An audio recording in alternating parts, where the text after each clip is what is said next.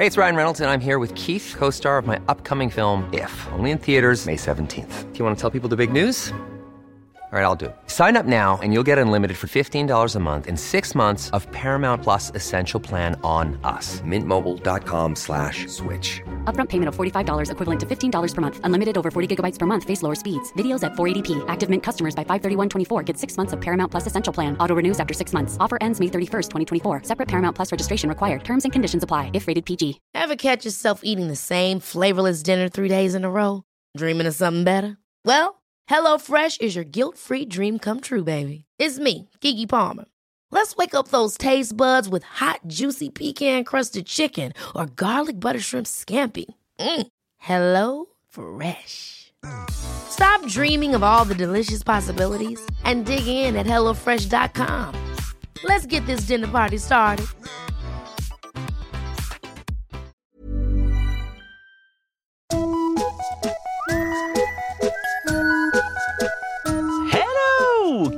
Kids och välkomna tillbaka till podcasten Mina vännerboken. Glad andra advent. Tobias Edsfält heter veckans nya femdollarspatte. Tobias, tack snälla. Du får jättegärna återkomma med din fråga.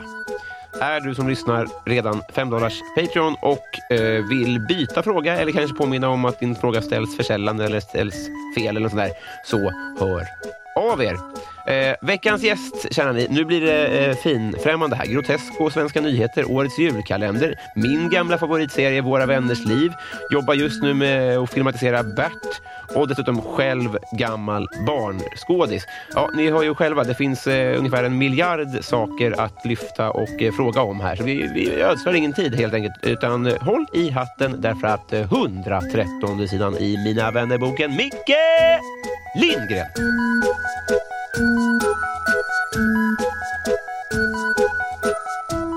Hej! Hej!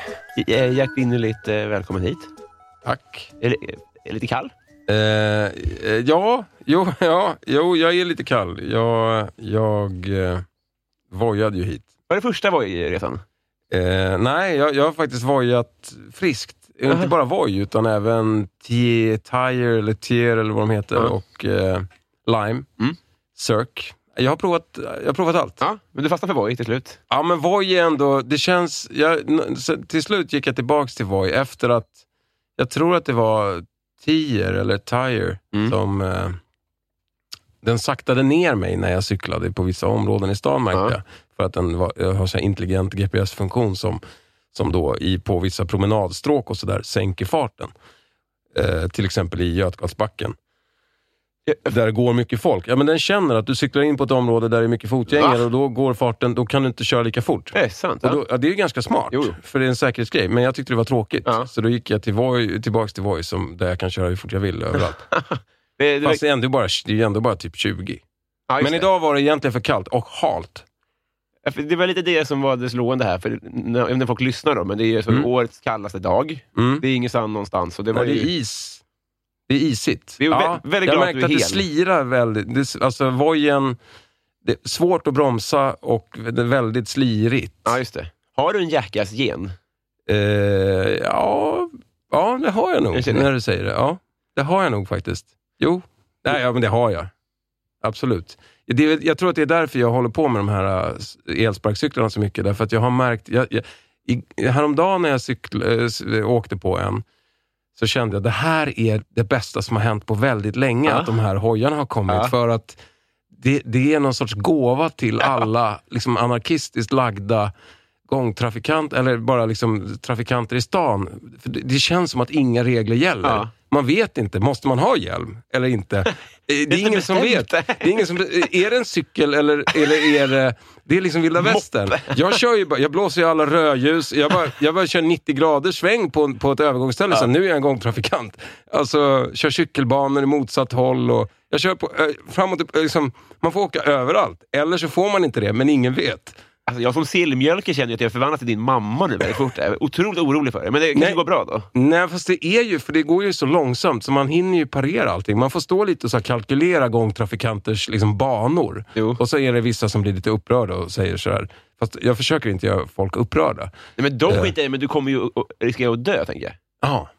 Eh, nej, men jag, känner, jag, jag, jag utsätter mig inte för risker på det sättet. Inte? Alltså, tror jag. Nej, visar sig. Mm. Eh, eh, så här, mycket att, säga. Lite nervös, så mycket upp till dig.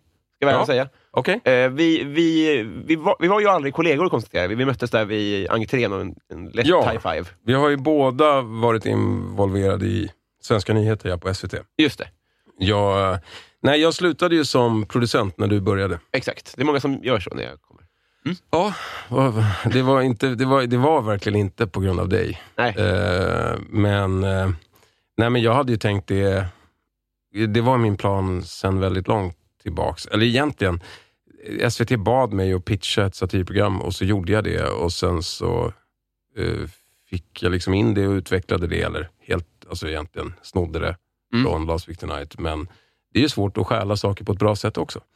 Eh, och Eh, Så, så vi gjorde vi det där och jag hade egentligen bara tänkt sjösätta det och försöka visa att det visst går. För det var folk höll på fortfarande. Eller liksom, det är ingen som lyck, riktigt på något... Av någon anledning har ingen lyckats adaptera det Last Week Tonight eh, eller Daily Show-grejen. Några har försökt. Liksom. Mm.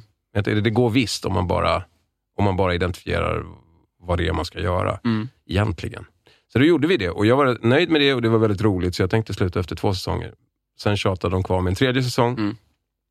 Eh, och sen, eh, sen slutade jag. Men jag är fortfarande exekutiv producent som det heter fast jag inte gör så mycket. Ja, för jag har sett det i ex- eftertexten. Ja, ja, precis. Ja, men det, var ju, det är mer, eh, alltså det är någon sorts hederstitel. Aha. Det betyder ju inte så jävla mycket. Eh, men men jag, har ju, jag var ju med och eh, liksom försökte göra en bra överlämning och castade, eller liksom jobb, jobbade för att Kristoffer skulle få ta över efter Jesper. Mm. Eh, och har ju liksom haft lite kontakt med jag har lite kontakt med liksom ledningen för programmet, Mm. men jag gör ju ingenting konkret längre. Jag fattar. Eh, och så får vi se. Jag kanske, nu, nu, ja, nu blir det ny producent igen och då ska jag försöka backa upp där, om jag liksom hjälpa till lite med det, om jag kan. Ja. Men brukar det vara pitchmänniskan som blir eh, någon, alltså, producent? Jag, har så, jag kan inte den tv-uttrycken alls, men ja, något sånt. Eh, hur menar du pitchmänniskan? Men du pitchade ju in det. Nej, nej inte så? jo, jo, det gjorde jag ju. Fast, jag, fast det, var mer, det var en beställning kan man ju säga. Alltså de bad mig att pitcha ett ja. satirformat. Mm. Så då skrev jag en, en papperspitch, som det heter. Alltså Ja. bara typ en A4 på. Så, ja, men så här tycker jag man borde göra det. Ja. I så fall. Ingen raketforskning. Eh, och det ja, går inte in på detaljer vad, vad, vad det var. Men ehm, i princip är det så här. Det gäller ju att ha...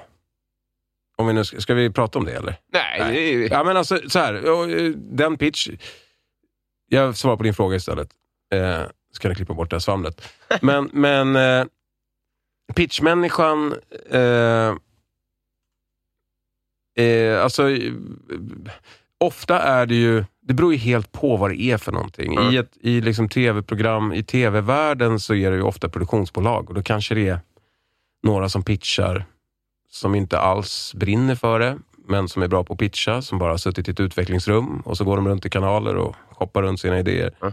Alltså, visst, någon av dem kan bli producent, men det, ofta är det väl att man tillsätter någon helt annan. som Ja, jag fattar. Eh, sen. Utan att de jobbar på utvecklingsavdelningen och säljer in idéer. Och sen det, när det väl ska göras så rekryterar man en producent. Så är det nog ofta. Det, det, det är nog ganska bra eh, att den som, om det är en, en, en riktig idé, en sann idé som någon faktiskt bryr sig om och brinner för när de har utvecklat den, så kan det ju vara en god tanke att den personen är med och förvaltar liksom själen i idén som producent. Då. Mm. Men det bygger på att det är en, den också har producentkompetens, Mm. kan göra det jobbet. Som ju är ett rätt flummigt eh, arbetsledarjobb. Och väldigt olika också beroende på vad det är för program. Som Svenska nyheter är ju liksom ett redaktionellt program. Det är ju inte så mycket estetik. Det är ingen liksom, kameravinklarna spelar inte så stor roll. Nej. Det är ett skrivbord och, och manus. Mm. Och det var, ju, det var ju egentligen det enda jag konstaterade att ska man göra ett sånt här program bra, då behöver man bra manus och såklart en bra eh, frontperson som kan leverera det. Eh, med, med, eh, eh, för det är egentligen komisk monolog bara. Och då gäller det så, här, så skit i scenografi, skit i kameror, skit i allt. Bara satsa på manus och en bra, eh, ett bra ankare. Eh, ja, det var idén. Och då, Det handlar ju om budgetresurser. Att man då, så, ja, men då, då, då prioriterar man ner allting annat. Men sen att som, som producent i det sammanhanget så, så handlar, det är man ju mycket en så här, ja, men man leder ett team. liksom. Mm. Eh, och coachar alla och försöker hålla någon sorts ton och någon sorts eh, balans. Då. Men det var ju mitt första jobb som tv-producent. Jag är ju mer regissör egentligen. Eh, så det, och när man gör tv-program, studieunderhållning, så eh, pratar man inte om alltså regissör eh, om man inte gör sketcher eller så. Utan, men jag skulle säga att det är ungefär samma jobb. Ja. Alltså man är, man är någon sorts eh, kreativ eh, eh, ledare, riktningsskapare. Ja. Eh, bara. Gör du Bert nu? Ja, men exakt. Ja, nu, är, nu, nu jobbar jag mer traditionellt som regissör. Då. Ja. Gör min första långfilm. Det är helt otroligt. Ja, det är superroligt eh, och ganska svårt och, och väldigt annorlunda Ja. från, från att producera ett satirprogram. Eller göra sketch och mer dramakomedi som jag gjort mycket tv innan. Men eh, jag... Eh, det här var, det var jättekul. Vi håller på och klipper. Eh, det är ganska... Alltså det är väl, man jobbar ju med barn, Mm. så det är amatörer. Eh, det är Hur väldigt gamla speciellt. barn? Eh, de, är, alltså, de är 13. Alltså, I filmen så ska Bert börja sjuan. Ja, det är första Eh, Bert, ja. Ja, precis. Och det är ju inte direkt baserat på någon bok heller. Det här är en helt ny retake. Det är ju liksom Det där, ja. baserat på världen, ja, ja. men det är en helt ny story. Ja. Eh, och, eh, så det är en mysig, rolig, pinsam Bert-film. Ja, just det. Men går, kan, är det lite som den här Sune-satsningen som har gjorts? Ja, det, alltså, nej, det är ju lite annorlunda. Det är ju samma författare eh, till de där böckerna, så Ja. alla blandar ihop dem och kommer säkert fortsätta göra det. Men ehm, det här är... Eh, Bert är ju lite äldre Mm. och han är lite mer tonårig, han har lite mer tonåriga. Det är lite mer sex och pinsamt och kärlek, liksom lite mer på riktigt. Och inte lika mycket en familjehistoria. Ja. Sune har ju rullat på hela tiden. Sune Ja. är ju inne på sin tredje inkarnation. Liksom. Sune är ju lite som typ James Bond. Fast Ja. man tänker på farsan i Sune. Det är alltid farsan i Sune som på något sätt. Nu är det lite mindre så i den senaste Sune-versionen. Eh, men från början var det ju Peter Haber Ja. och sen kom Morgan Alling. Liksom, eh, Och nu Fredrik... eh, och nu det Fredrik Hallgren. Precis. Det, det var en dumt eh, formulerad fråga. Det var, för, för mig, jag är född Ja. 90, så är liksom Peter Haber, han är Rudolf och eh, Johan Ulveson är Fredrik, heter han va? Mm. Eh, Berts pappa. Och det var så jag tänkte, är det här liksom...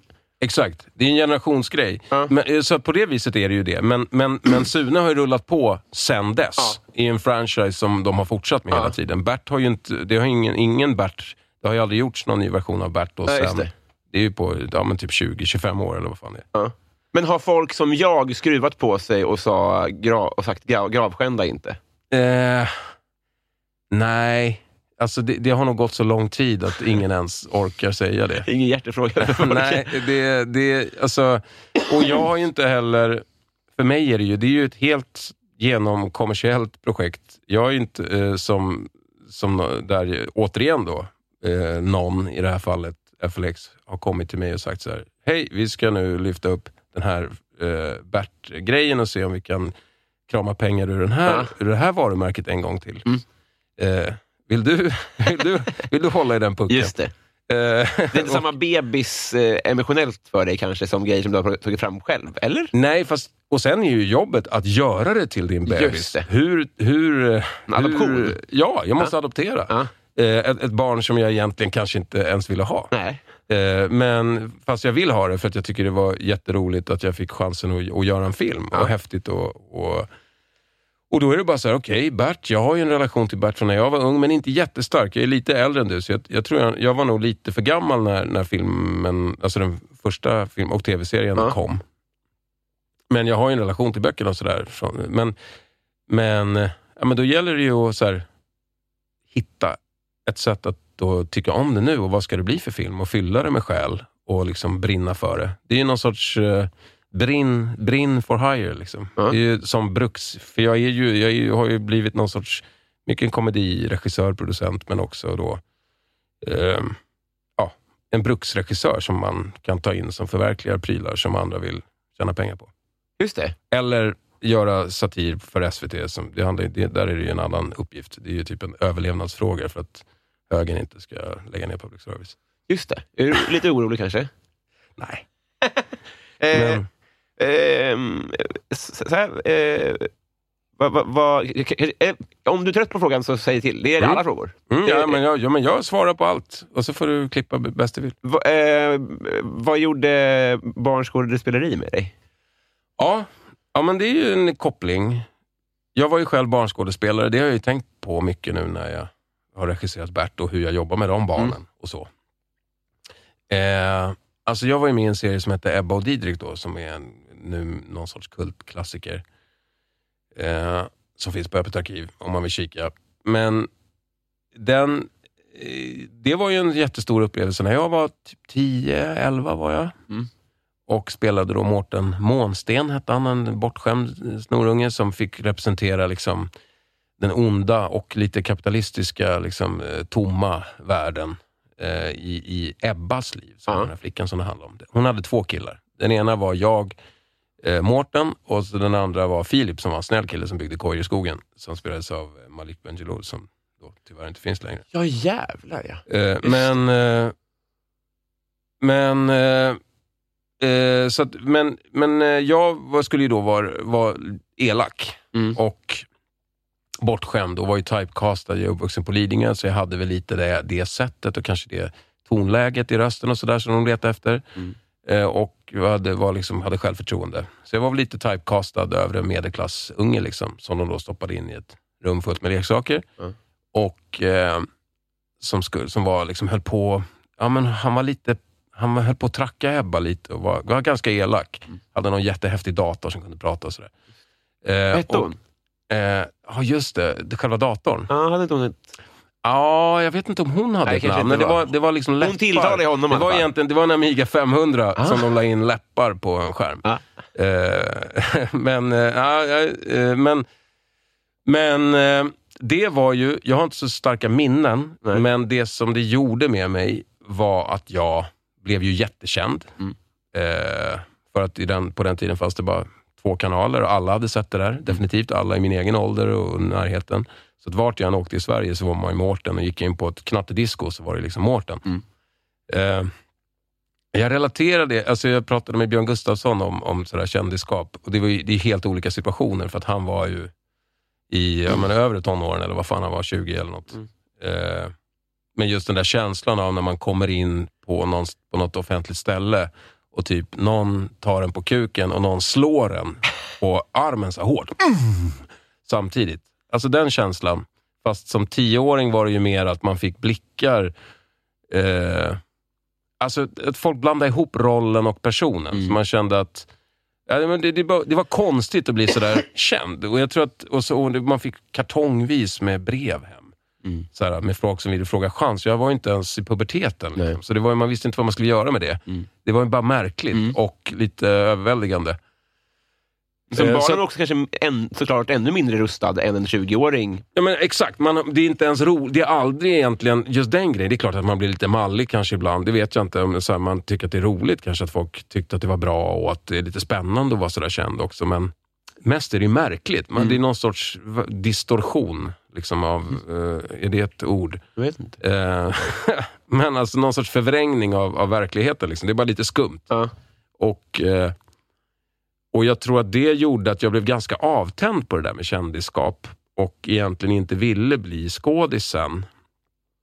Eh, alltså jag sökte mig inte till det. Jag gick ingen teaterskola. Jag hade kompisar, för jag hängde ju med, med några i Grotesco-gänget och Henrik Dorsin och några av mina bästa polare som fortfarande eh, som, som sen blev Grotesco. Ja. Eh, per Gavatin och Erik Wernqvist och Henrik var det ju framförallt då, när jag var så liten. Men, eh, och vi fortsatte ju göra grejer och sådär. Och de gick på teaterskola, men jag gjorde inte det. Och jag sökte, jag gick inte på några castings eller auditions sen i tonåren eller så.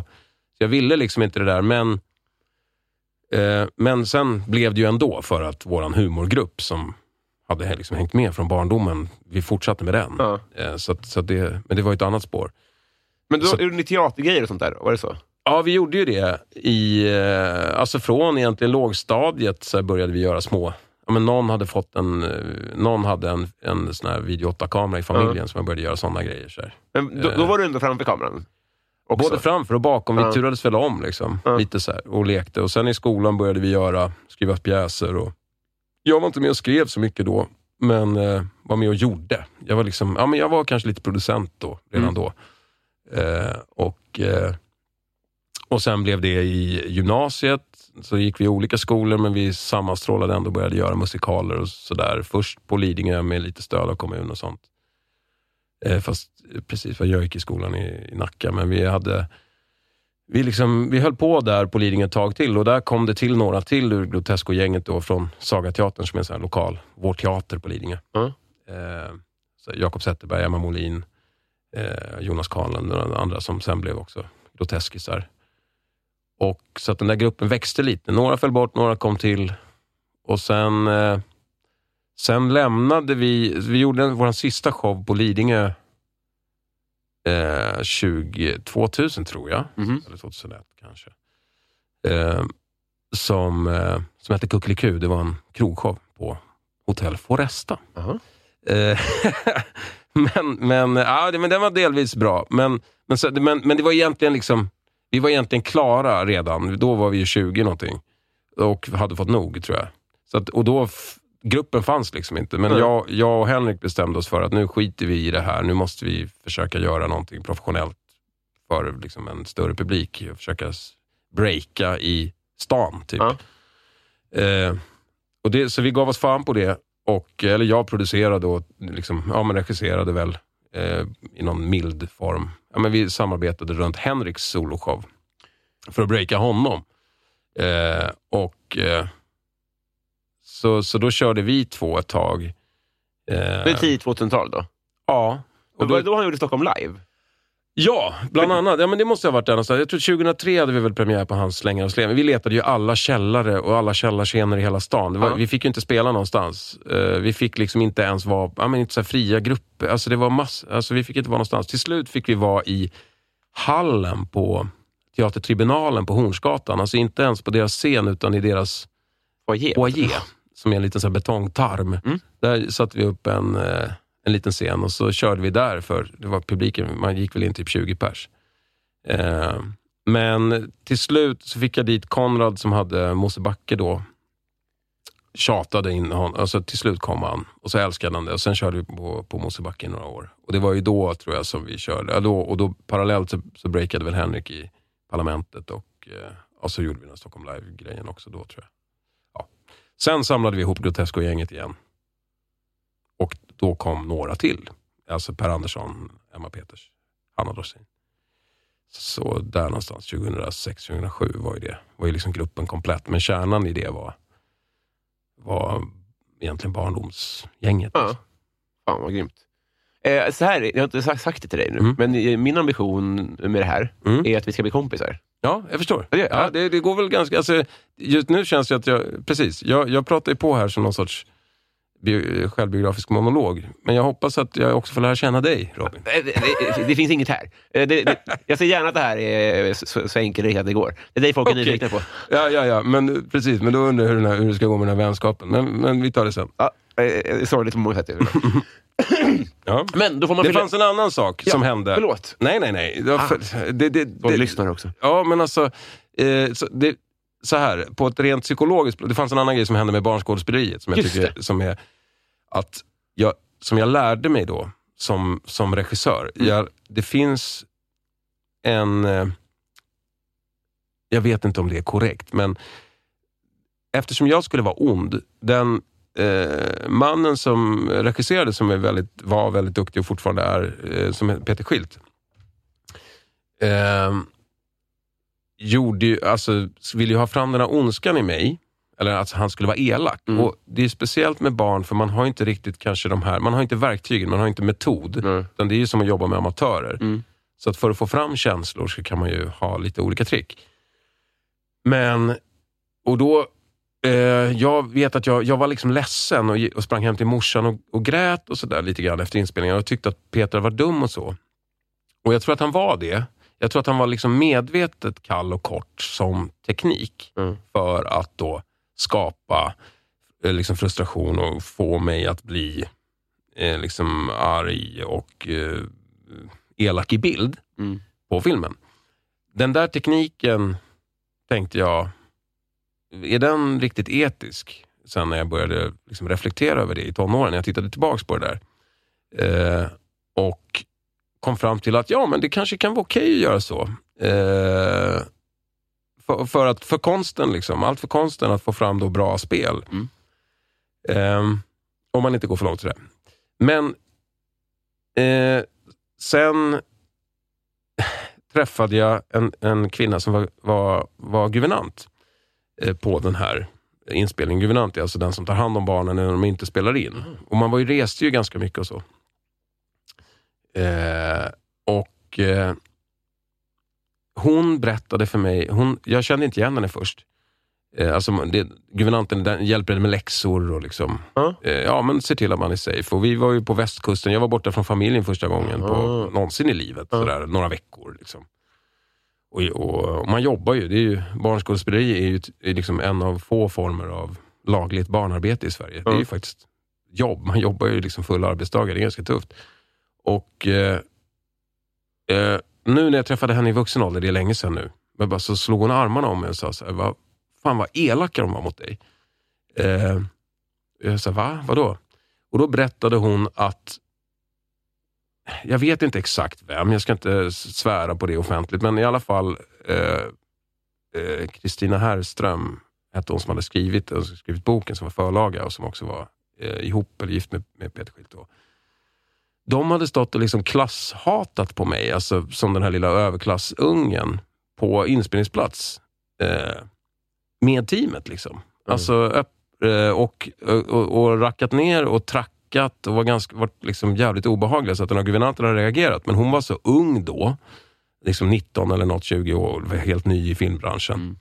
Så att hon inte kunde säga något. Men hon, hon hade liksom gått och burit på det där.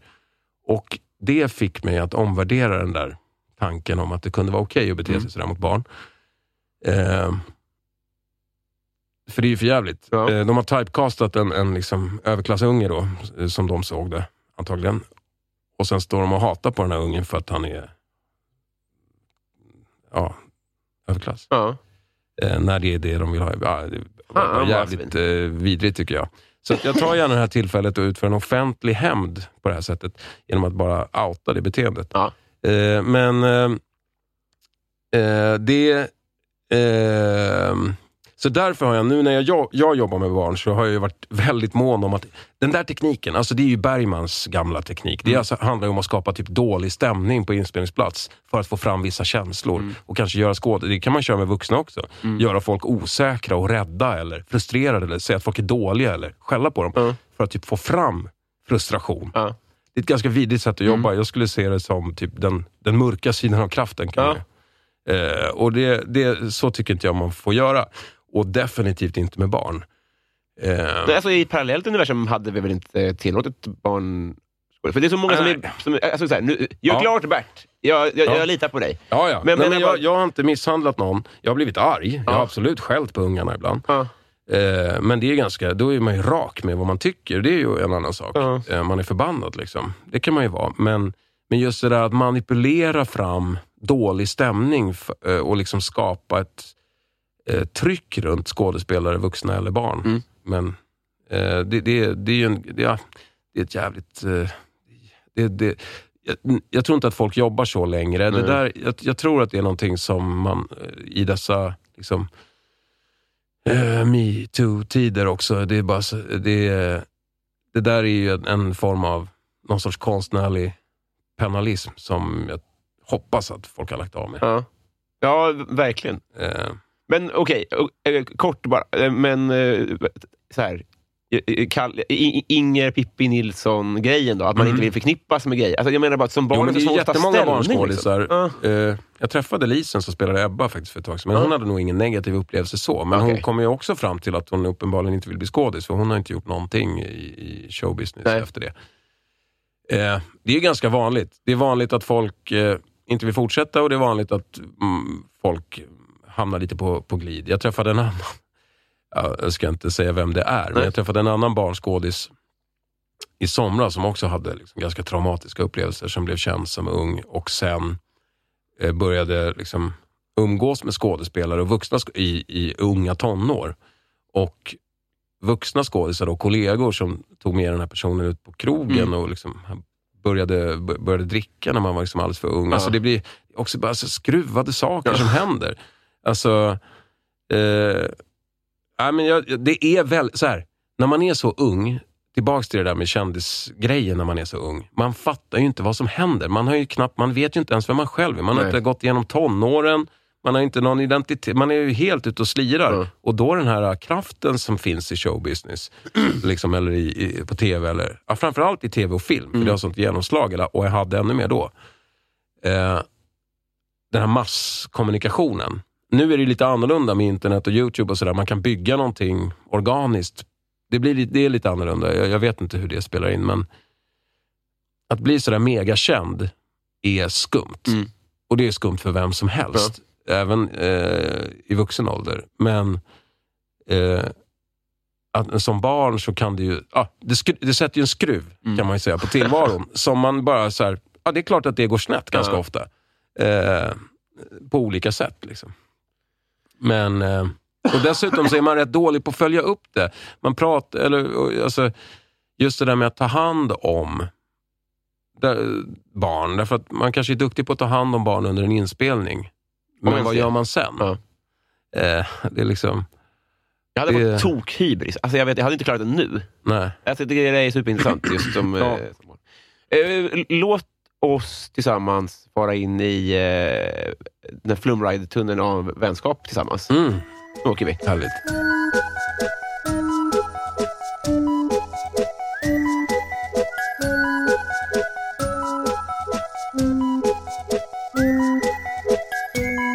Eh, Micke, Mm.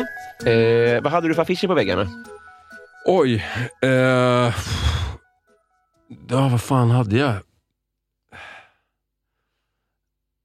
Alltså, jag tror inte jag hade så mycket affischer. Alltså, när, när då? När, vilken ålder pratar vi om? På mm, Tolka fritt. Ja, men okej, i tonåren. Jag, tror, jag blev, var ju ganska mycket en filmnörd, så jag, jag, jag liksom, men det är lite senare. Då kanske vi är 15-16. Ja. Eh, så då började jag, jag vet att jag hade en, eh, jag gick också på Stockholms film, vi var extrema filmnördar, Ja. några, några kompisar. Så att vi, vi var liksom, gick på filmfestivalen och var kalenderbitare. Liksom. Ja. Eh, jag, jag, vet, jag har ett starkt minne från, jag träffade Quentin Tarantino när han var i Nej. Stockholm med, jo, alltså jag kände igen honom, för man var så nörd, så man hade koll på hur han såg ut. Ja. Och då hade, för jag hade sett Reservoir Dogs då på någon så här dålig liksom, inspelning från, ja men den gick väl på TV1000 eller något sånt där. Okej, men det var ja. svårt att få tag i filmer på den tiden. Ja. Eh, och eh, Den fanns liksom inte på en... Alltså, videobutik, nej. Nej. Det var ju en smal, liksom, konstig... Jag menar, alltså, den var ingen stor hit så. nej. Den, den, den gick på filmkanalerna, tror jag. Men det fanns ju ingen, jag menar, det fanns ingen nedladdning. nej. Det fanns ingen, alltså det här är ju då, fan kan det vara, 90... Ja, jag vet inte när den kom, 94 kanske. Ja. Eh, men... Eh, så det, jag hade sett den Ja. och jag älskade den. Och sen var eh, Quentin Tarantino gäst på Stockholms filmfestival som, eh, som med Pulp Fiction. Ja. Det var ju när Pulp Fiction hade premiär. Den hade ju inte riktigt slagit ännu, Nej. så den, han hade ju inte blivit geniförklarad Nej. ännu. Så han gick ju omkring ensam, så här, lite fet och bara så här, åt typ en varmkorv i hörnet av Humlegården. Jag bara, "Men det, det, det är ju han ju. Det står ju fan Quentin Tarantino och käkar en korv i Humlan. Så jag, jag gick fram och jag hade ju filmfestivalkatalogen med mig. Så, här, Åh, så Mr Quentin. Så, ja, så jag fick hans autograf. Det var ju kul. Men det, vid samma eh, tillfälle så ja, men då vet jag att jag skar ner en sån här banderoll som de hänger på lyktstolpar Ja. där det stod Stockholms filmfestival. Den var väldigt stolt väggprydnad hemma hos mig. Fan. Eh, så att, eh, det var en grej jag hade i alla fall. Vilken är världens bästa film? Oj. Eh, världens bästa film. Alltså jag älskade ju... Ja, en, en film som var väldigt tongivande för mig i tonåren var ju Taxi Driver. Mm. Därför gillar jag inte heller Jokern nu, för att det är ju liksom en, en ganska... Det är en rip-off bara, Jaha. Ja. tycker jag. Eh, men eh, på, på Taxi Driver, det är Taxi Driver med en, med en superhjälteskurk i. Ja. Eh, så att det är B. Men, eh, men, eh, nej men, men, eller snyggt snott om man så vill. Ja, jag ska inte säga något, jag snor ju också hej tänkte just... Eh, Men, men, eh, men, eh, ja, men jag älskar Taxi Driver. Den var väldigt sådär, den rebellgrejen och Robbans. Liksom. Jag försökte se ut som Taxi Driver. Jag, hade, jag, köpte, jag hade en likadan så militärjacka som Robert De Niro har i den filmen. Och klippte mig likadant med en sån kort mohawk. Och bara, Gjorde du det? Ja. Eh, Men, När jag men var typ 17. Ja. Visst har du haft mohawk ibland på scen? Ja, Jag har en karaktär som heter DJ det är, ja. Som gjorde det. den här uh, Tingalin. Just det, det, det, det är det jag tänker på. Tingeling-låten. Men det var inte så att när jag sett i något tidigare sammanhang att det var, det var en äkta mohawk? Nej, jag har aldrig haft mohawk privat sen tonåren. Nej. just det. Eh, Men, men jag älskar ju DJ Trex. Jag tror att i, i en parallell värld, om jag hade varit lite modigare, så hade jag ju varit DJ Trex. Ja, just det. I Stockholm Live hette du väl DJ eh, extra... Eller- Extra, ja, men det var inte DJ, det var ju en ragamuffin. Ja, det är ju en annan karaktär jag har som heter ex, Extra. Ah, eller extra. Det är två olika... Usel research. Det är en helt, nej, det är helt okej. Mm. Jag, har- jag hade ju några sådana alter egon, särskilt runt uh, den här Tingeling-grejen. Det var DJ Cute. Det sägs DJ, DJ... Cute är, är det var en tjej som var då DJ på, Stockholm Live. Stockholm Live. Exakt. Så det nämns DJ i samma sammanhang. Så jag minns det som... Ja, just det. Då, Stämmer. Det, Men eh, jag, tror, jag vet inte ens om Extra nämndes vid namn Nej. i det sammanhanget. Eh, men han har, det finns också Extra Junior som är en kille med cornrows. Jaha, ja. Som gjorde den här uh, blanda upp. eh, han är lite mer Jean Paul.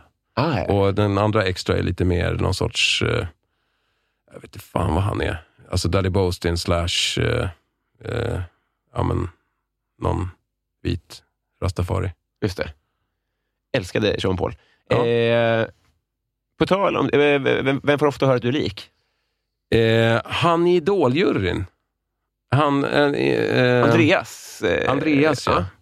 Säger folk att jag är väldigt lik. Det är två stiliga herrar. Så det är ju inte, det är ingen, det är inget hån. Då. Nej, nej, nej, nej, nej det, det, men det tycker folk. Folk tycker att jag, de tycker jag är för, vi är förvillande lika, de. Eh, någon mer? Johannes Brost är en annan. Ja, den den fick jag med. Den är, det är en, ja, det är liksom, ja, men det är också läst på Flashback, och sånt där, folk som inte gillar mig, och säger att mina tänder ser ut som att någon typ har kastat in ett gäng sockerbitar i käften på mig, eller liksom, att det är lite huller om buller. De är inte helt... Eh, Och det har Brost också då? Brost har ju också lite så här utåtstående, så här, så Ja, lite så garnityr som är lite bara tänder som på något sätt tar plats. Ja. Eh, Har du åt en Flashback? Ja, Ja. Flashback är... Men eh, så här, jag läser Flashback. Eh, jag, jag brukar alltid, det tillhör min liksom rutin när jag scannar av eh, internet. Och Det kanske är lite förlegat.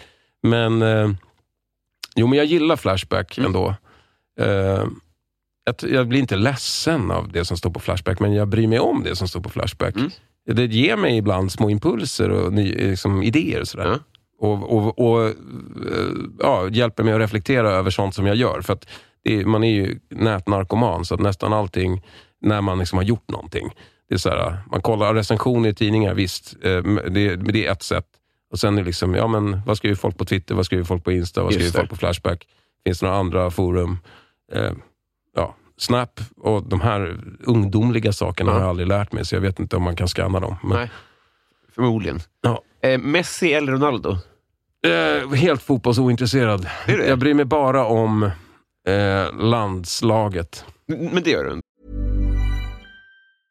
This is Paige, the co-host of Giggly Squad, and I want to tell you about a company that I've been loving, Olive and June. Olive and June gives you everything that you need for a salon quality manicure in one box. And if you break it down, it really comes out to $2 a manicure, which is absolutely insane. It's also so easy to get salon worthy nails at home with Olive and June. The difference between how your nails used to look when you did them yourself and now with the Manny system is a complete game changer. The best thing about Olive and June too is it's a quick dry, dries in about one minute, lasts for five days, and full coverage in up to one to two coats. Visit oliveandjune.com slash perfectmanny20 for 20% off your first system. That's oliveandjune.com slash perfectmanny20 for 20% off your first system. Hold up. What was that? Boring. No flavor. That was as bad as those leftovers you ate all week. Kiki Palmer here, and it's time to say hello to something fresh and guilt-free. Hello Fresh. Jazz up dinner with pecan-crusted chicken or garlic butter shrimp scampi. Now that's music to my mouth. Hello Fresh. Let's get this dinner party started. Discover all the delicious possibilities at hellofresh.com. Så. Ja, men för att jag tycker det är kul med... med alltså jag gillar ju att kolla på VM liksom. Mm. och OS. eh, Det, det kan jag liksom, tycka är lite kul. Men annars, eh, jag har inga lag. Jag, formell, nu bor jag ju i Bayernland, Ja. men jag är uppvuxen i Djurgårdenland. Ja. Så att, eh, ja, det... Eh, jag, har liksom familj, lite familj i Skåne, som Malmö FF går också bra. Ja. Eh, det, är, det är inte så noga. Nej, det är Messi, det har jag det. vem, eh, vem är Sveriges roligaste? Eh, Sveriges roligaste person? Eh. Oj, vad svårt. Ehm. alltså jag är ju... Alltså jag måste säga Henrik Dorsin för att jag, han är min partner och eh, i, i, brott på många sätt. Och jag var ett stort Henrik-fan. Det var ju liksom därför jag började backa upp honom. Jag tyckte att han var fullkomligt briljant redan när vi var små. Okej. Eh, så att, så att jag, men kände att så här, äh, men han behöver nog lite hjälp på något sätt att tolkas in i samtiden. Ja, och jag bistod honom med det, för att han, är, han var ju en liksom, Men tänkte du liten som barn? farbror. Ja, men jag tänkte så, när vi breakade, liksom när vi lämnade, alltså där i övre tonåren, när vi började, liksom, Ja. då tänkte jag, alltså, alltså, Henrik, eh, han är ju helt grym, han är, tycker jag, och, så, men också, också grym på att tolka och stjäla det förflutna. Ja. Så saker som alla andra har glömt bort. Det är ju det som han, det är hans grej. Eh, men, eh, ja, men jag tycker han är grym. Eh, men, men med det sagt, för det är lite för obvious, så eh, roligast i Sverige, alltså, ja, nu säger jag, nu bara droppar jag mina det är jävla Nej, det gör jag. Men jag tycker att Per Andersson också är svinrolig, fast han är helt omdömeslös. Så han vet ju inte, alltså, i, de flesta, eller många vet ju inte riktigt när man själv är som roligast, upplever jag då. Ja. Så upplever jag att jag är en bättre domare över när de är roliga än Ja. vad de själva är. Och Det är därför jag är regissör och de ska bara stå på scen och apa sig och hålla käften och göra som jag säger. Ja. Men eh, det tycker inte de är så kul, så det kan ju uppstå en del konflikter där.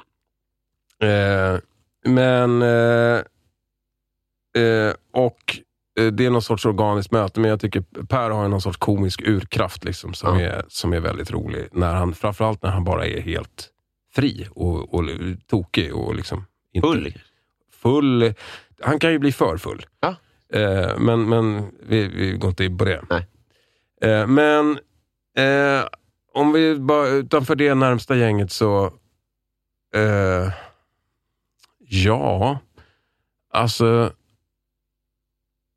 Jag, alltså ja, jag, jag kommer ju bara tänka på de som jag har jobbat med nära. Liksom. Mm. Jag tycker Jesper var, gjorde ett fantastiskt jobb. Jag tycker Kristoffer är grym. Annars hade jag inte kämpat för honom. Jag tycker han är väldigt rolig. Jag älskar ju Kristoffers standup. Eh, jag tycker... Ja, och så är det bara män också. Det är ju, det är det är ju helvete det här.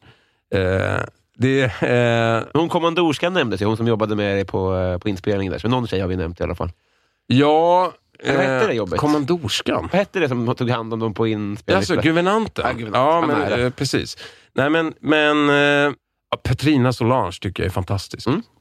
Eh, andra svinroliga. Ja, väldigt imponerad, det ska jag säga. Roligast i Sverige, det blir så jävla svårt. Ja, för att jag tycker det är olika sammanhang. Jag kan älska Peter Wahlbeck Ja. för att han är störd i huvudet. Ja. Johan Glans är liksom den mest fantastiska arena domptören vi har. Ja. Jag gillar ju inte ens hans humor egentligen, men jag tycker han är otroligt rolig och skicklig. För när jag sitter på hans föreställningar, även fast jag börjar med så skeptiskt armarna i kors, så sitter jag där och asgarvar efter en stund ändå. Så det är så här, okej, det är magi. Liksom. Eh, men... Eh,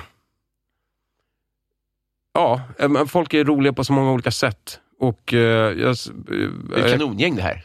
Ja, Det Josefin. Bornebusch tycker jag till exempel nu då, om jag ska säga, eh, som jag också blev här, djupt imponerad av hennes serie, den här som går på Viaplay, Ja, Älska mig. Som jag tyckte var svinbra och att hon eh, så här, ja, men skriver, spelar och regisserar, vilket är, det är sån jävla power, power move. Mm. Och man blir så här, det är sånt som jag önskar att jag själv hade gjort. Mm. Eh, och eh, gjort så bra. Så, för det är ju en eh, ja, men jäkligt så här, tonsäker, skön dramakomedi. Egentligen den kanske genren jag gillar mest. Alltså det som jag så här, tycker är roligt och härligt, det är mycket... Jag kan gilla liksom crazy också. Jag älskar Silicon Valley också på HBO. Jag tycker det är svinkul. Mm. Och liksom, som är mera i liksom, 30 Rock, Arrested Development-hållet. Tokigt. Men annars tycker jag, det som jag skrattar mest åt är nog där saker och ting bottnar lite mera och där det känns lite mer på riktigt.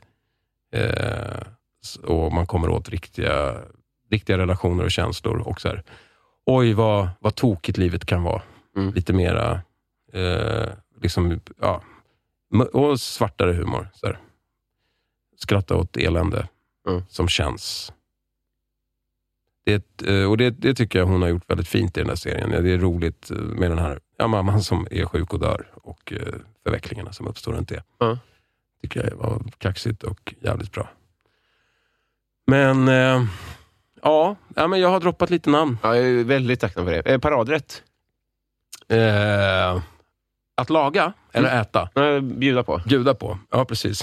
Paradrätt att äta. Det är så, banana split. Eh, men eh, eh, att bjuda på, så jag är kass på att laga mat. Men eh, ja, men då skulle det väl vara torsk med skirat smör och pepparrot kanske. Trevligt. Gud vad gott. Eh, vad är det ondaste du har haft? Eh, det ondaste jag har haft, ja det är nog faktiskt jag har haft av menisken i knät när jag var lite för gammal och trodde att jag fortfarande kunde åka snowboard och hoppa så här big jump. Det gjorde skitont. Eh, annars är det nog faktiskt... Eh, jag var konvalescent efter en operation. Vad är det? Eh, konvalescent, alltså återhämtningsperioden när man har blivit... Eh, ett yrke? Nej, nej. nej konvalescens, det är, så, ja, ja, det är, det är svå- svåra ord. Eh, det är när man... och Helt enkelt- Rehab. Rehab Ja. efter en operation. Eh, jag, eh, jag hade ett sånt här... eh, jag hade liksom ett eh, operationsärr som eh, eh, inte ville läka. Mhm. Så det blev så infekterad blodsjö under, in under huden. Det var ganska stort, saftigt jack liksom, i grunden som de hade sytt ihop. Så, så det där ville inte ge med sig, så det var flera månader av att det där blev infekterat. Och det, det, gjorde sv- svinaktigt ont. Alltså, så inre smärta som man liksom inte kan göra någonting åt. Och smärtlindringen bet inte riktigt heller. Nej, det, var, Fan vad obehagligt. nej, det var sjukt obehagligt verkligen. Ja. När var det här sa du? Eh, det här var 2009. Ja, det var ja, det. Det är ett tag sedan. Eh, så att annars så, ja, men jag har varit hyfsat förskonad från fysisk smärta. Eh, vem är din kändaste släkting? Eh, Do- kanske Douglas Murray, hockeyspelaren, Ja, just det. min kusin. Men då är du ingift i Parnevik-familj. är det han som Ja, är nu, gift? ha- jag, jag är inte ingift, men visst, absolut. mig är det. Eh, Indirekt. Ja, jag är också ingift i Parnevik-familjen. Eh, men eh, ja, det, det skulle väl vara Douglas, tror jag, som är kändast. Eh, tänker igenom släktregistret här. Det är ett jävla supernamn. Folk har sagt så här, ja, men morfar på bank, typ. Alltså, du Ja. vet. Ja, men jag, jag kanske kan skaka fram någon till. Jävlar. Eh, jag vet inte. Äh, det är ingen som toppar Douglas. Nej. Men hur är du rika? Hur mycket överklass var du? Eh, ja, men inte sådär särskilt mycket överklass. Egentligen inte överklass alls, Nej. skulle jag säga. Eh, jag, övre medelklass, hur man nu drar de där gränserna. Ja, men Mamma var ju då född Murray, så det är ju, men mor, och morfar var affärsman. Han var från en prästsläkt eh, från Hudiksvall, så de var präster. Från början, det, Murray är ju då en skotsk släkt som kom hit för några hundra år sedan. Ah. Eh, så, det är ju, så det är ju tjusigt på det viset. Det är ju då eh, ointroducerad adel, som det så fint heter. Jaha. Utländsk sådan. Eh, och, det, och, och grejen med det är väl att de var egentligen inte rika alls. De var, de, inte den grenen i alla fall. Det var, det var, det var en präst, eh, prästfamilj. Men, och eh, mormor var ju, de var bönder på Ekerö på den tiden. Och det kanske finns fortfarande jordbruk på Ekerö. Men, så att morfar och mormor bodde på Ekerö. Morfar var då, morfar Axel var prästson, men den enda i sin syskonskara på typ nio som inte jobbade som präst eller kyrkligt, eh, riktigt vad vad jag förstår. Men Det, det, kan, det är en sanning med viss modifikation. Han var yngst, men han blev då affärsman till, till, till familjens stora förtret. Och senare eh, också så här, ja men Rotary, alltså jag var med i Rotary och sådär. Var- blev ganska- Och jobbade sig upp till någon sorts, eller till en ja, mindre förmögenhet antar jag. Men liksom ändå så här, bodde på Karlaplan och liksom, träffade kungen och sånt. Ja. Eh, ja, men, eh, han, var väl, han var väldigt... Eh, nej, alltså det här var, nej, det var väl antagligen Kalle. Ja. Eh, Vegurra var nog... Jag vet inte om han hann det också. Det här var ju mer när han var gammal och väldigt etablerad och Mm. sådär, eh, hade varit ordförande för. Rotary. Och jag tror att han var, han var med också. Han var nog säkert Kalle Bildt och dem. Så att på det viset, kulturell överklass, ja, känningar med liksom den världen. Mm. Eh, det finns också en stor släktförening som liksom med dig. Men, men inte pengarna. Mamma och pappa hade ju, de var egenföretagare. Fa, pappa kom från en, eh, om en lite mer så akademikersläkt kanske. Farfar var veterinär. Eh, och farmor var sjuksyrra, men från en finare Stockholmsfamilj från början. Men de hade liksom också slarvat bort sina kulor tror jag, på något sätt. Så det, det, det, fanns liksom, det har aldrig funnits sådär svin mycket pengar. Mamma och pappa eh, var egenföretagare i klädbranschen och det gick ganska bra för dem. De hade några, mam, pappa liksom producerade och mamma var designer. Och eh, Så de hade, de hade framgångar på då 80-talet när jag var liten. Mm. Så att då flyttade de ut till Lidingö och köpte ett hus. Eh, vilket väl var eh, ja, men fint då också, men säkert eh, men inte lika fint som nu. Jag tror att det är större skillnader nu. Eh, men så där bodde de och drev sin, sitt företag, Big Ski hette det. Och, eh, och det gick ju bra. Så att under de första tio åren så bodde vi där i hus och de hade varsin bil. och eh, så. Och vi åkte på semestrar, så det var ju chart, liksom, man åkte på någon chartersemester och så var det liksom båt på sommaren, så det var verkligen övre medelklass. Liksom, ja, men, överklass och visst umgänge med överklassar. Mm. Eh, framförallt så var det väl att man kände att man ville väl vara där. Alltså Mm. att, särskilt eh, men mamma kanske var lite mer naturligt där. Men de, det var väl någon sorts, man hängde i lite, sådär, lite tjusiga Stockholmskretsar ändå. Lite Ja. så Östermalm, Östermalm. Man hade såna vänner och folk som hade, men, men också eh, ja, släkt och grannar som bodde i eh, lägenheter och radhus och vänner. Liksom. Så att, jag skulle säga övre medelklass. Men det verkar som att det blev någonting av alla, så att säga. Alltså även om det inte var... Nej, men med alla de som har pratat om, med Douglas Murray och med er som blev grotesk och sånt där. Var, var det så? Ja, men, nej, Det är inte det, det, det är ju två... I oss, alltså till att börja med, de i grotesk, mina kompisar i Grotesco-gänget är alltså inte min släkt. Det ska jag Nej, men det vet jag. Men, men jag, jag, pratar om eh, din Runt uppväxt. omkring Ja, i, min so, i mitt sociala umgänge. Ja. Alltså, jag har en kusinskara på typ 40 kusiner ja. i Stockholm. Eh, Och de är det är många barn som är De utspridda. är utspridda, ja. Vad dum jag är. Eh, ja. Så att, så att, eh, det är massa olika. Mamma hade sex syskon, Mm. pappa har eh, fem. Ja. Så att, eh, det, är, det är många. Men, eh, eh, så att, ja, men i min sociala... Alltså, det gick ju... I mitt lilla kompisgäng så har det gått väldigt bra för, för det här lilla nördgänget då, som började göra film och teater från Mm. början. Absolut. Eh, men i övrigt runt omkring, ja det har nog säkert gått helt okej för alla. Mm. Jag tror ju på alltså, klassamhället. Vi, vi växte ju upp tryggt och bra och eh, Eh, har ju säkert liksom en ganska stabilt stöd. Som sagt, medelklass, övre medelklass eh, på Lidingö. Men sen är det ju, med Lidingö är det ju också, den, jag vet inte om den myten fortfarande lever, att det är så fint där. För Lidingö är ju, jag växte upp i ett villaområde, men det är ju säkert 60 procent lägenheter och kanske, i alla fall, nu har de säkert gjort bostadsrätter mycket, men, men det är väldigt mycket hyresrätter också. Sådär. Ja. Så det är, det är en ganska stor kommun. Det är väl 40-50 000 pers idag, jag, jag vet inte. Så det, det är en väldigt blandad, i skolan och sådär. På den tiden så var det också kommunal skola där alla gick. Ja. Och det fanns liksom den här socialdemokratiska samhällsplaneringen som gjorde att man gick med, eh, även vi villaungar, gick med arbetarklassens barn. Mm. Eh, och det var ju bra. Jag tycker det är en bra idé. Jag tycker vi borde återinföra det. Förstatliga skolan och eh, lägg ner den här, den här idiotiska friskoleprylen. Eh, som vi ska nu ha någon sorts integration och sammanhållning i Sverige. kan man ju börja där. Men eh, men, för det, det, det var ju så jag träffade Henrik till exempel. Han var ju från, en, han var ju från liksom, hyresrätt, eh, sossar, liksom, kommunanställd och liksom, arbetarfarsa. Sådär. Okej. Eh, och annars hade vi nog aldrig mötts, tänker jag. Nej. Nej, men Jag, jag, jag röstar för. Har du Mm. varit i Rom alpin?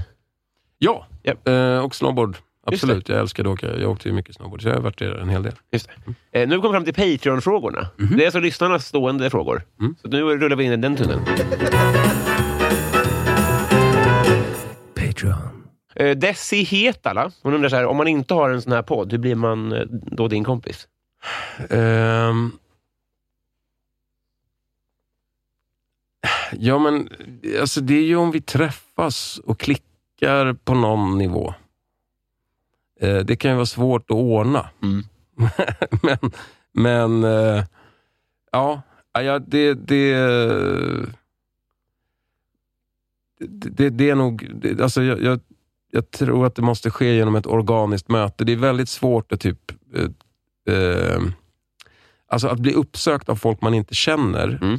online till exempel, är ju i regel rätt obehagligt. Ja. Eh, därför att man, man vet att de kontaktar mig för att jag eh, är känd eh, eller har någon sorts eh, position som de vill utnyttja eller någonting. Alltså, Ja. Finns det ett Mårten-arv i den inställningen, tro?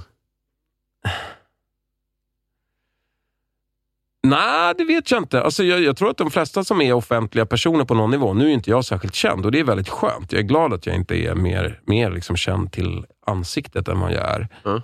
Eh, men jag tror att nästan alla som, som har en offentlig person på Ja. något sätt eh, har lite den ängsligheten. Mm. Att man, man vet inte riktigt, för att folk kan tro att de känner en fast de inte känner en. Eh, och det är lite, det det är åter, ja, på det viset, det finns en Mårten-koppling, att det är något skumt Mm. i kändisskapet. Mm. Ehm, så det kan vara, sen kan man ju vara jävligt chillad med det. Jag har ju, både, jag har ju jätte, kompisar som är jättekända som... Jag vill bara säga det, att jag har jättekända kompisar. Eh, nej men som, som, både som, som, eh, eh, som tycker att det är svinjobbigt och som är helt okej med det. Mm. Eh, men, eh, så det där är ju väldigt personligt hur man tar det. Men, Men om man, om man tolkar hennes fråga så här då, ska Mm. man, brukar du ha, få kompisar via jobb eller via paddel? Eller, förstår du vad jag menar? Ja, jag tolkar det lite bredare. Eh, ja, men alltså, eh, alltså jag, som det är nu, jag får ju ingen... Jag, får ju, alltså jag, jag har ju alldeles för litet socialt liv tyvärr. Jag har familj och jobbar. Det är Mm. typ det jag gör. Så jag träffar ju nästan inga nya människor. Just det. Det är därför jag kanske, inte, jag kanske inte kan tänka på ens hur man får kompisar. jag vet inte. Det här är väl då, det är väl liksom podd som är enda sättet. Eh, men, eh, nej, men jag tror att ofta har det varit, tidigare har det varit när man har, genom jobbet jättemycket, Mm. för att det är en så stor del av mitt liv. Jag tycker att mitt jobb är väldigt roligt. Mm. Eh, så att jag gör ju det. Jobbar jag för mycket? att Jobba. Jag jobbar absolut för mycket. Jag är arbetsnarkoman och flyr alla mina privata problem genom att jobba. Mm. Eh, men eh, men eh, så det är ju ett sätt. Om man klickar med folk på jobbet, det är kul. Men sen re, när man reser tycker jag också. Mm. När man träffar folk sådär i, nya, i andra miljöer där man själv inte har varit förut. För då är det som att man är, man är liksom ny och lite naken. Ja, det är som att jag är mer mottaglig när jag inte är hemma. Mm. liksom. Fan, vad, eh, jag ska börja tänka mer så, tror jag. Okej, Det var jag det var bra. ja, vad fint. Ehm, Petter Axling undrar, vad höll du på att bli? Eh, ju, eh, jurist. Människorättsjurist, jurist, aktivist vill jag bli. Jag, jag, jag höll liksom på, jag, jag klippte lite med teatergänget ett tag och, och det här humorgänget som då var kvar på Lidingö. Mm. Lite med, med eh, delar av det som blev Grotesco. Och var, jag var väldigt politiskt engagerad och liksom, eh, ja, eh, ganska lite enkelspårig socialist på den tiden. Mm. Eh, och brann mycket för att jag, jag ville väl, har någon sorts Jesuskomplex har jag sett det som. Jag ville liksom ah, rädda världen. Så här. Därför har jag, jag har inga problem att relatera till de som åker ner och slåss för IS till exempel. För Nej. att jag tänkte att det kunde lika gärna varit jag. Ja. Eh, om jag hade haft lite, annan kulturella, eller lite andra kulturella preferenser. Jag var ju liksom, hade någon satt en Kalashnikov i handen och sagt liksom eh, den kapitalistiska fienden är där, så hade jag kanske åkt. Eh, men, eh, nej, men, så jag, men, men efter det, när jag hade, liksom, eller parallellt med det, så pluggade jag juridik på Stockholms universitet och läste typ halva juristlinjen. Mm.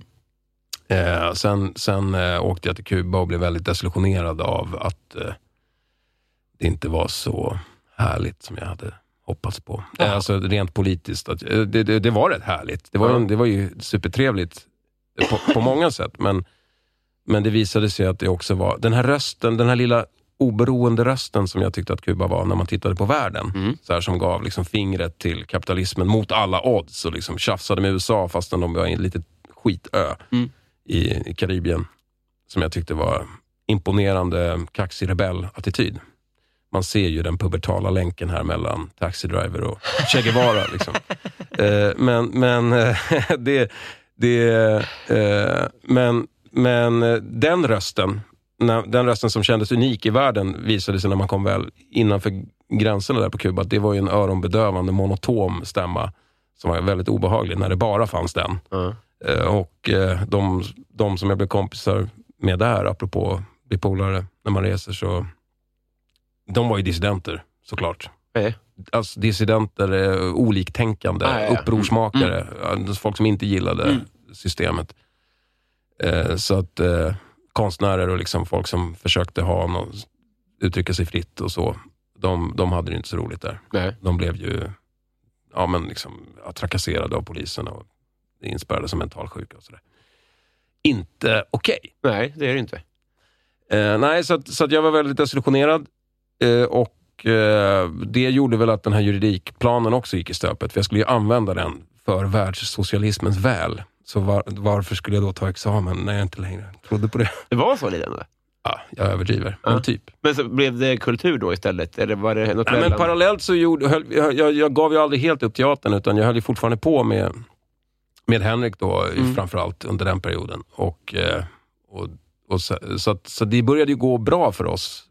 Eh, Vi började kunna tjäna pengar på att typ göra shower och så. så Mm. att, ja, jag gled över på det spåret och så, sen blev det det helhjärtat. Liksom. Så där ja. Ehm, Filip Sigholm undrar, vad gillar alla andra som... Förlåt. Vad gillar du som alla andra tycker är lite, lite udda? Um, Okej.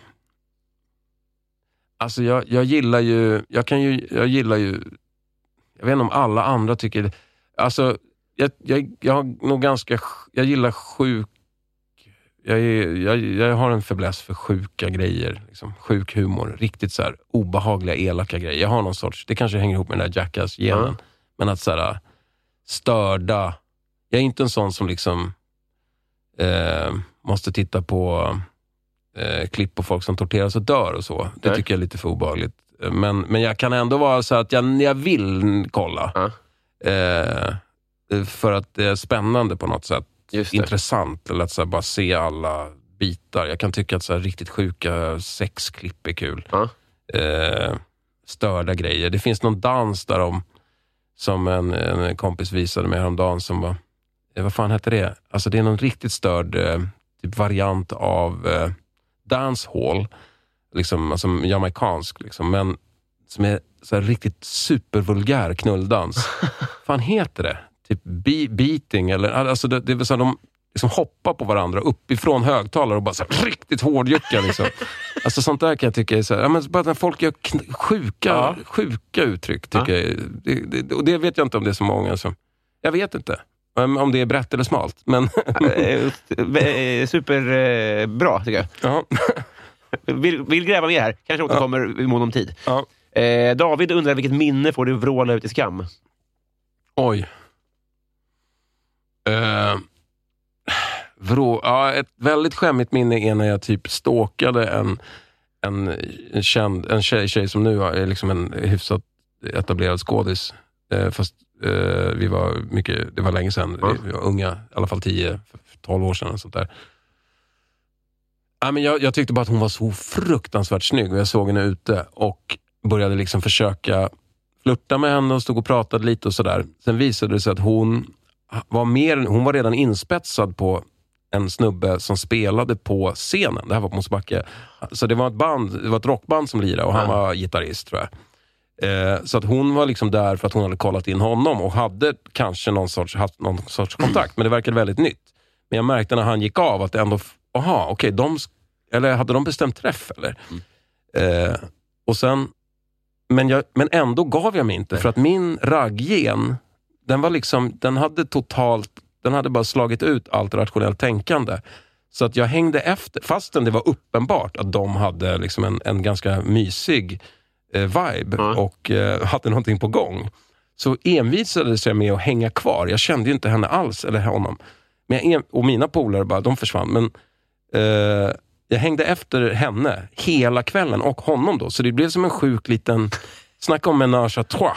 Alltså det var verkligen tredje hjulet, fjärde hjulet, men alltså tredje hjulet tror jag. Femte hjulet. Eh, tredje hjulet på en en Voi. cy- tredje hjulet på en boj.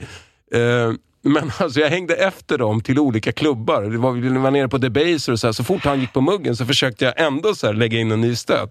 Alltså det är en lång, utdragen, extremt pinsam kväll Ja. där, som slutade med att vi stod på trappan vid Debaser som då låg vid Slussen. Eh, och det var så här, ni sommarnatt i Stockholm, alla liksom ganska tomt och så här, fåglar som lät. Just det. Och, eh, och det var lite så här, "Ha, ja, vad, ska, vad, vad, ska, ni- vad ska ni göra nu då? Det var så här, eh, vad fan, vad håller du på alltså det, är så, det är ett sinnesstört beteende. Det är liksom, de håller på att bli kära och du så här, försöker envist och det slutade med att, jag tror han sa att "Nej, men jag tar nog en lång promenad hem. Liksom. Jag bor, vad fan han nu bodde, Ja. så här, Odenplan säger vi. Och, ehm, och jag var så "Ah, okej, okej, ja, ja. Då tänkte jag så här, yes, nu, Han gav upp. han gav upp. What? det, nej. Men varpå hon illa kvickt sa, ja, men jag tycker nog också det är skönt att gå en stund. Så de, de gick ju hem ihop Ah. och jag stod kvar eh, full och inte ens skamsen. Det är det som är så, jag tror skammen kom liksom dagen efter. Sen, sen har jag träffat henne ett par gånger, men alltså, då, då, då har ju skammen sköljt över mig, men jag har maskerat det väldigt väl. Så Hon dyker upp på olika eh, eventuella säga, sköna söndagar, eller vad heter de här söndagsbilagan eller sådär? Är det då skammen kommer? Om du ser en bild? Nej, nej, nej, nej. Och jag har, nu har jag kommit över det. Eh, men, Just det, eh, är efter, dagen efter framförallt. Ja, men dagen efter, alltså, även några år efter. Ja, det var så. Alltså, jag, jag, tänker på det nu så, så, så ja, men nu känns det mer roligt, det är så länge sedan. Ja.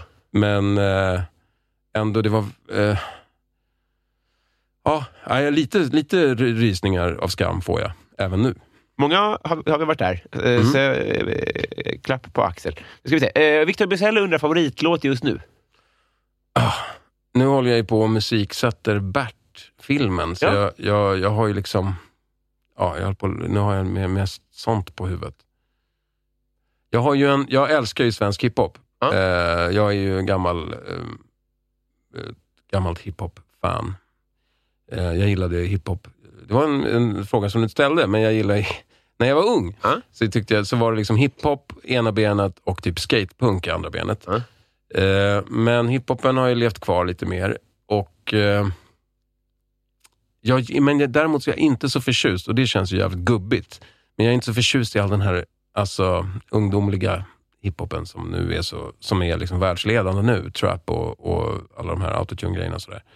Eller då, säg, eh, som Einar de här som är superstora nu.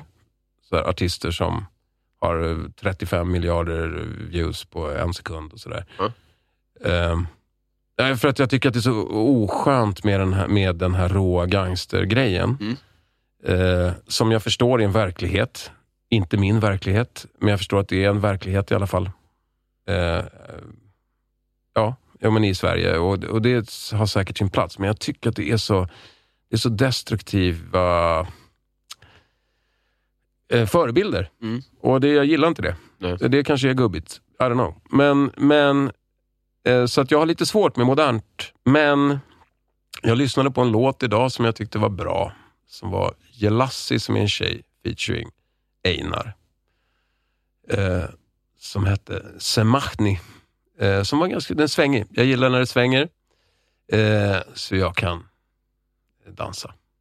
Men eh, alltså annars någon mer bred låt, alltså som jag tänkte till Berto. Jag, jag håller på med ganska mycket hiphop i Berto. Så här, lite Ja. 90-talsgrejer och sånt också. Men för att jag, ja, det, det känns bra. Annan bra låt eh, just nu. Alltså, ja, jag har en sexåring också. Det, det är liksom, jag, det, det, alltså när, jag försöker, när jag tänker musik så är det så här, ja, det, det, det, är åt, det är jobbet och sen är det min sexårings musik. Ja, just det. Då är det så här, ja, så det är mycket Taylor Swift då. Ja, men det Hon var ju nice ändå. Det finns sexåringar med sämre musiksmak. Ja, tror jo, jag. ja eh, hon gillar det. Alltså, Det är inte ja. Lalle har vi sjungit en hel del på. Äh, Babblarna har hon kommit förbi. Ja. Ja, en, en som Lalle-låt som har gått varm är från eh, senaste Lalle-plattan som är Mam, någonting, ma, alltså, just det svenska två. Mamma sa, det kommer gå, ingen bryr sig om din svenska två. Ja, glad, Snyggt, ja. Verkligen. Det var sjukt att Lalle blev barnmusik. Ja, fast och hon är väl liksom... Ja, det är sjukt. Men jag, jag, tycker också att det är väldigt bra, för det är väldigt skönt att ha liksom, musik som har, även, det är ju pop, men, men som har ändå själ och någon sorts konstnärlig vision att spela för sina barn och att de gillar det. Då Ja. blir man ju glad, så man slipper lyssna på Dolly Style. Just jämt. det. Eh, så jag tror att det är, det är därför. Eh, och sen så har väl Lalle säkert en... Alltså, hennes publik går väl upp i tonåren och över också. Ja. I guess. Men, eh, nej, men så jag, jag är glad att det finns såna där artister. Veronica Maggio är också en sån. Som är så en ball tjej. Eh, som i och för sig har då väldigt så här intrikata kärlekslåtar och de handlar om sex och sådär. Men det förstår ju inte sexåringarna. Utan de, de sjunger bara med och sen får man svara på lite jobbiga frågor. ja. Eh, Vi tar det sista här då. Eh, Joel V. Kall.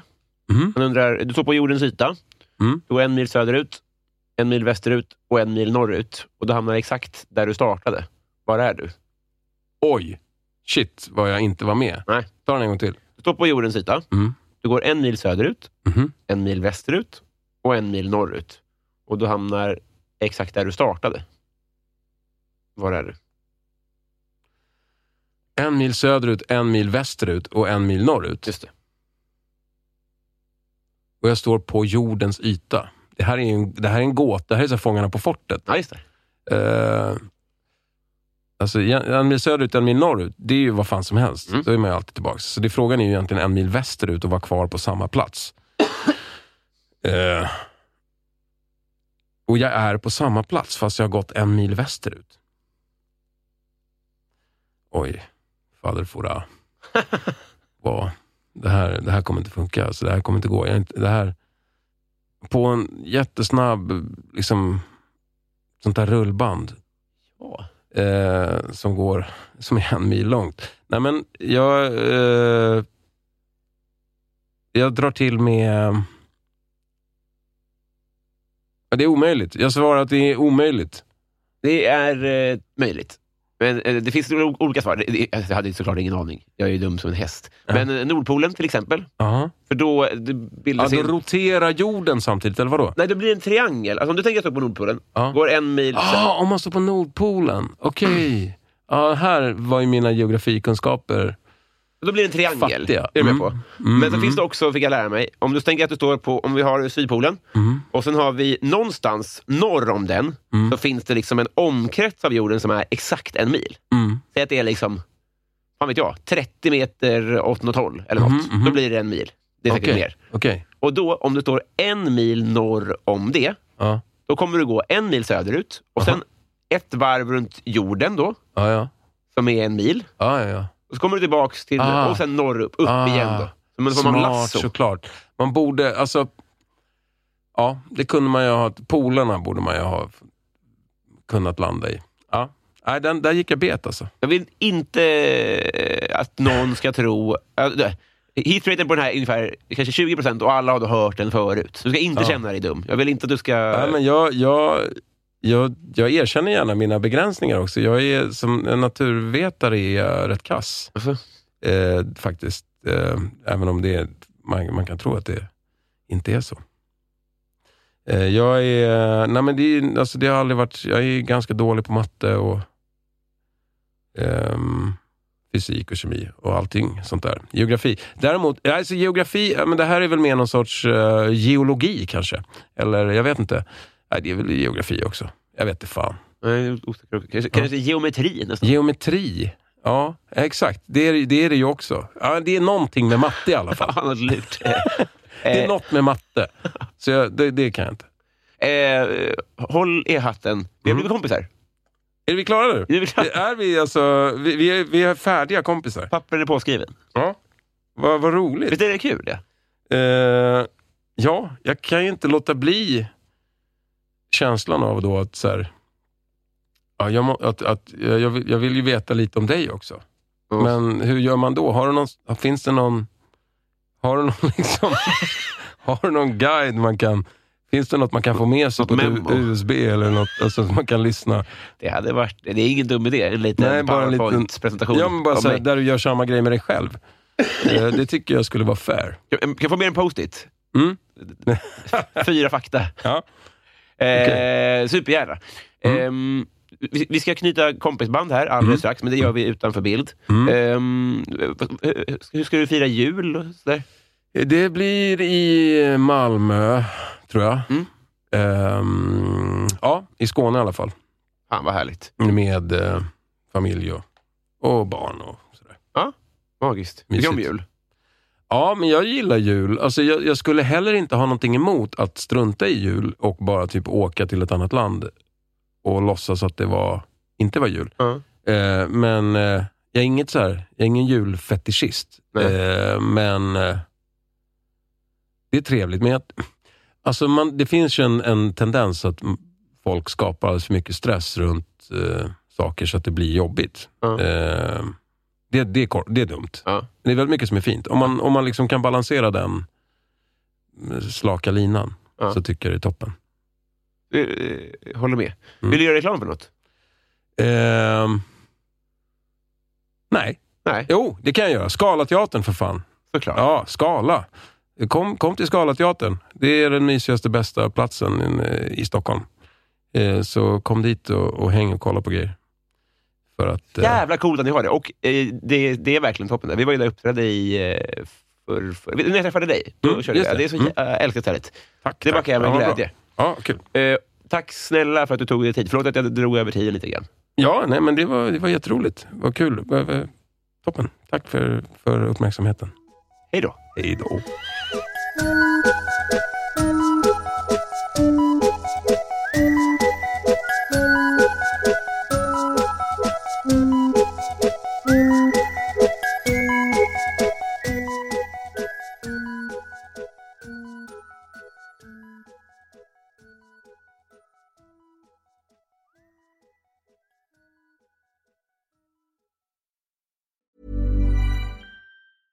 Ever catch yourself eating the same flavorless dinner three days in a row? Dreaming of something better? Well, HelloFresh is your guilt free dream come true, baby. It's me, Gigi Palmer. Let's wake up those taste buds with hot, juicy pecan crusted chicken or garlic butter shrimp scampi. Mm. Hello Fresh. Stop dreaming of all the delicious possibilities and dig in at HelloFresh.com. Let's get this dinner party started. Even when we're on a budget, we still deserve nice things. Quince is a place to scoop up stunning high-end goods for 50 to 80% less than similar brands. They have buttery soft cashmere sweaters starting at $50, luxurious Italian leather bags, and so much more. Plus, Quince only works with factories that use safe, ethical, and responsible manufacturing. Get the high-end goods you'll love without the high price tag with Quince. Go to quince.com slash style for free shipping and 365-day returns.